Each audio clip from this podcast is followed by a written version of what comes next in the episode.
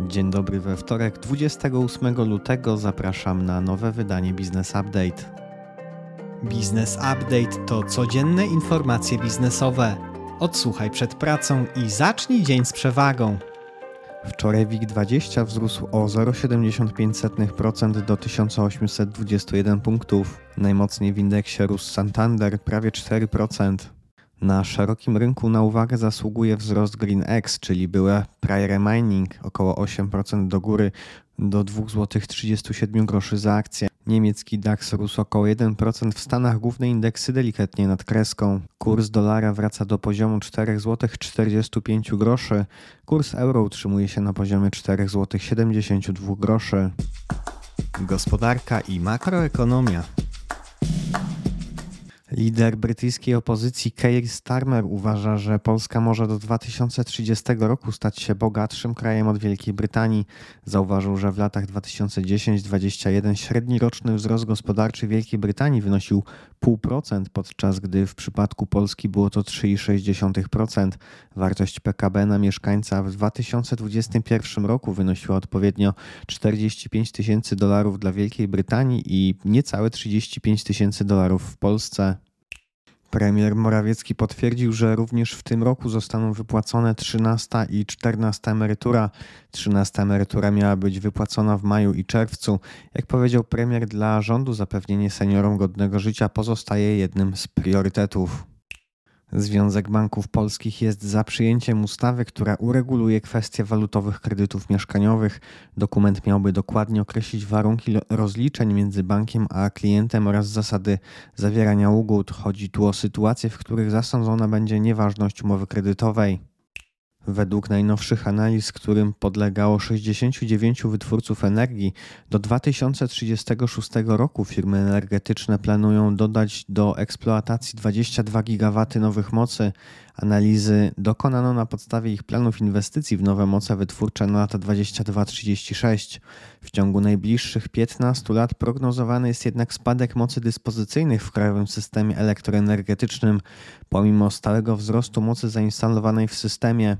Wiąże się to z koniecznością zastosowania rozwiązań rynkowych, które zabezpieczą stabilność pracy krajowego systemu elektroenergetycznego, np. usług elastyczności i zarządzania popytem. Wiadomości z Unii Europejskiej Unia i Wielka Brytania doszły do porozumienia w sprawie Irlandii Północnej w zakresie kluczowej umowy handlowej będącej przełomową przy Brexicie. Ursula von der Leyen i Rishi Sunak mają ogłosić ustalenia na wspólnej konferencji prasowej w Windsorze. Wiadomości ze świata inflacja umocniła się w styczniu, a wydatki i dochody Amerykanów gwałtownie wzrosły, co może skłonić rezerwę federalną do podnoszenia stóp procentowych wyżej niż wcześniej przewidywano. Wskaźnik inflacji wzrósł w styczniu o 5,4% w porównaniu z rokiem poprzednim. Indeks bazowy, który nie uwzględnia żywności i energii, jest postrzegany jako najlepszy predyktor przyszłej inflacji, wzrósł o 4,7%. Oba odczyty były nieznacznie wyższe niż te za 12 miesięcy do grudnia grudnia bank centralny dąży do rocznej inflacji na poziomie 2%.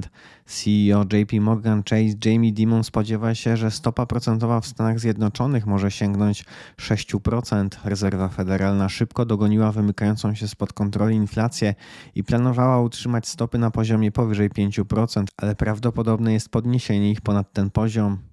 Nowy prezes Banku Centralnego Japonii, Kazuo Ueda, uważa, że bank powinien dążyć do normalizacji stóp procentowych, jeśli jest w stanie utrzymać swój cel inflacyjny na poziomie 2%.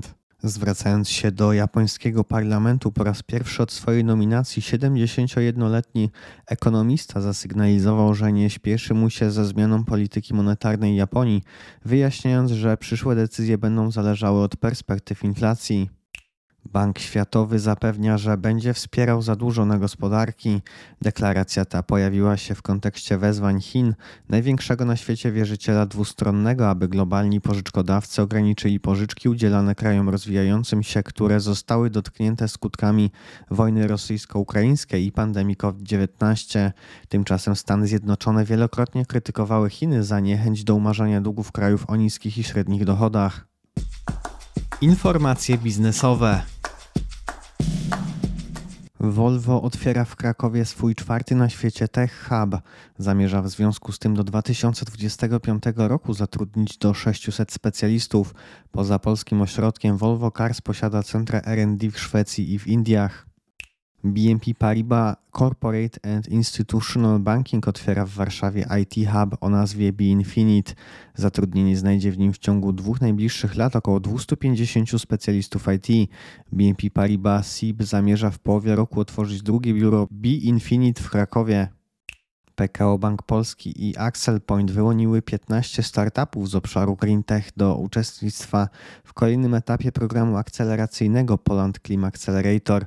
12 z nich będzie mogło rozwijać własne produkty z PKO Bankiem Polskim. Wśród zgłoszonych pomysłów przeważały rozwiązania z czystą energią, zwiększaniem efektywności energetycznej, zielonym transportem czy czystym przemysłem.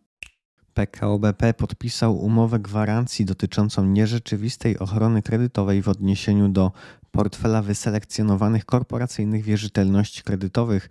Całkowita wartość portfela objętego gwarancją to około 12 miliardów 300 milionów złotych. Operator stadionu PGE Narodowego w Warszawie oznajmił, że wyniki badań przeprowadzonych w ciągu ostatnich tygodni pozwalają na organizację meczu Polska-Albania 27 marca, a także innych wydarzeń całostadionowych. Stadion został uznany za miejsce bezpieczne, a wydarzenia zaplanowane na ten rok nie są zagrożone.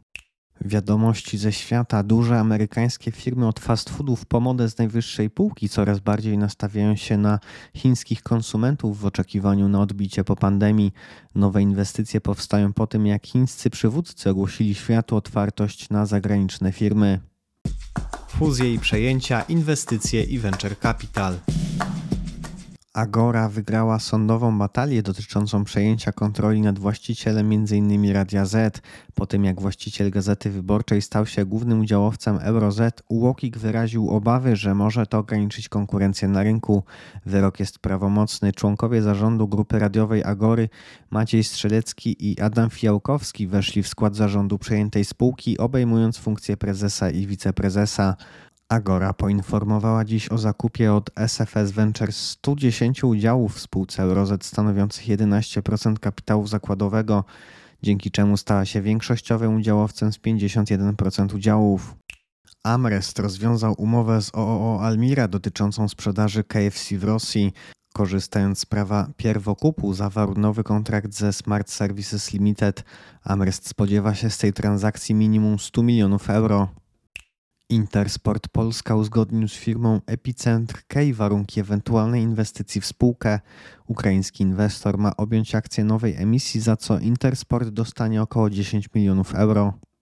Panatoni sprzedaje park logistyczny Wrocław Campus firmie Petrzy Logistic Parks. Inwestycja ma 185 tysięcy metrów kwadratowych. Plastbox wezwał do sprzedaży ponad 1,5 miliona akcji Suwar stanowiących około 34% kapitału po 32 zł 20 groszy za akcję. Na wczorajszej sesji notowania zamknęły się ceną 36 zł. Obecna kapitalizacja spółki to 166 milionów złotych. Plastbox posiada niecałe 66% akcji. Zapisy będą przyjmowane 1, a zakończone 31 marca. Wiadomości ze świata Cineworld w upadłości zapowiedziało, że wartość firmy może wyparować po tym, jak firmie nie udało się znaleźć kupca na drugą co do wielkości sieć kin na świecie. Otrzymano wstępne propozycje od wielu kontrahentów, ale żaden nie zaoferował pełnej oferty na całą firmę. Niespełnienie układu może pozbawić spółkę ochrony w ramach Chapter 11. Cena akcji spadła o 29% do 3 pensów. Cyfrowy procesor płatności Stripe jest bliski pozyskania 4 miliardów dolarów świeżego kapitału przy wycenie około 55 miliardów dolarów. Finansowanie ma zostać sfinalizowane do końca marca. Departament Sprawiedliwości przygotowuje pozew antymonopolowy mający na celu zablokowanie przejęcia startupu Figma za 20 miliardów dolarów przez Adobe. Transakcja wymaga zatwierdzenia przez kilka organów antymonopolowych, a umowa o fuzji pozwala na ewentualny przedłużony przegląd regulacyjny z zewnętrznym terminem zakończenia do marca 2024. Steve Schwartzman, dyrektor generalny amerykańskiego giganta private equity Blackstone, zarobił w ubiegłym roku miliard 260 milionów dolarów. Jest obecnie jednym z najlepiej zarabiających prezesów na Wall Street. Łączna wartość zarządzanych przez Blackstone aktywów to około 951 miliardów dolarów. Prawo i podatki. Włodzimierz Karpiński, sekretarz miasta stołecznego Warszawy i były minister skarbu, został zatrzymany przez CBA na polecenie prokuratury krajowej. Zatrzymanie ma związek ze śledztwem dotyczącym przyjmowania korzyści majątkowych w związku z organizacją przetargu na usługi utylizacji odpadów, w którym wcześniej doszło do zatrzymania Rafała Baniaka. Prokuratura przedstawiła zatrzymanemu jeden zarzut, co do którego Karpiński złożył obszerne wyjaśnienia. Sąd Okręgowy w Warszawie zatwierdził układ spółki akcyjnej IDH Development w postępowaniu restrukturyzacyjnym. Sąd wydał zgodę na przeprowadzenie układu w drodze samodzielnego zbierania głosów przez IDH Development, który zakłada wyodrębnienie dwóch grup wierzycieli i spłatę wierzytelności na, warunka, na warunkach wskazanych w postępowaniu sądu. Prezes UOKiK nałożył na agencję City z Poznania karę w wysokości 40 tysięcy złotych za handel nieprawdziwymi recenzjami w internecie. Umieszczane przez przedsiębiorcę opinie wprowadzały konsumentów w błąd co do reputacji firm oraz oferowanych przez nie produktów i usług. Podobne zarzuty postawiono wobec firmy J&J z Rzeszowa. Przedsiębiorca za pośrednictwem strony SEO Sklep24 oferował usługę opinie w Google Maps, która obejmowała publikowanie pozytywnych lub neutralnych opinii i ocen w ramach wizytówek Google Maps. Przedsiębiorcy grozi kara do 10% obrotu.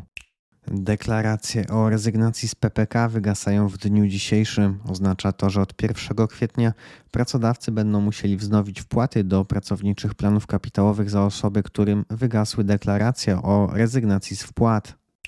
Ministerstwo Finansów wyjaśnia, że podatnik, który dopiero rozpoczął działalność, nie może skorzystać z ulgi na ekspansję w pierwszym roku prowadzenia działalności gospodarczej. Sąd Najwyższy uznał, że miarkowanie wysokości kary umownej może zachodzić wyłącznie w sytuacji wyrażenia przez dłużnika woli obniżenia zasądzonego odszkodowania z tego tytułu. Sąd nie jest uprawniony do jego obniżania z urzędu w sytuacji, gdy dłużnik w ogóle nie przedstawił takiego żądania. To już wszystkie informacje w dzisiejszym wydaniu podcastu. Nieco więcej informacji w wersji tekstowej, czyli w newsletterze, szczególnie dotyczących danych rynkowych i wyników finansowych. Na newsletter można zapisać się na businessupdate.pl. Jeżeli serwis jest pomocny, będziemy wdzięczni za polecanie go. Ja życzę Państwu owocnego wtorku i do usłyszenia jutro.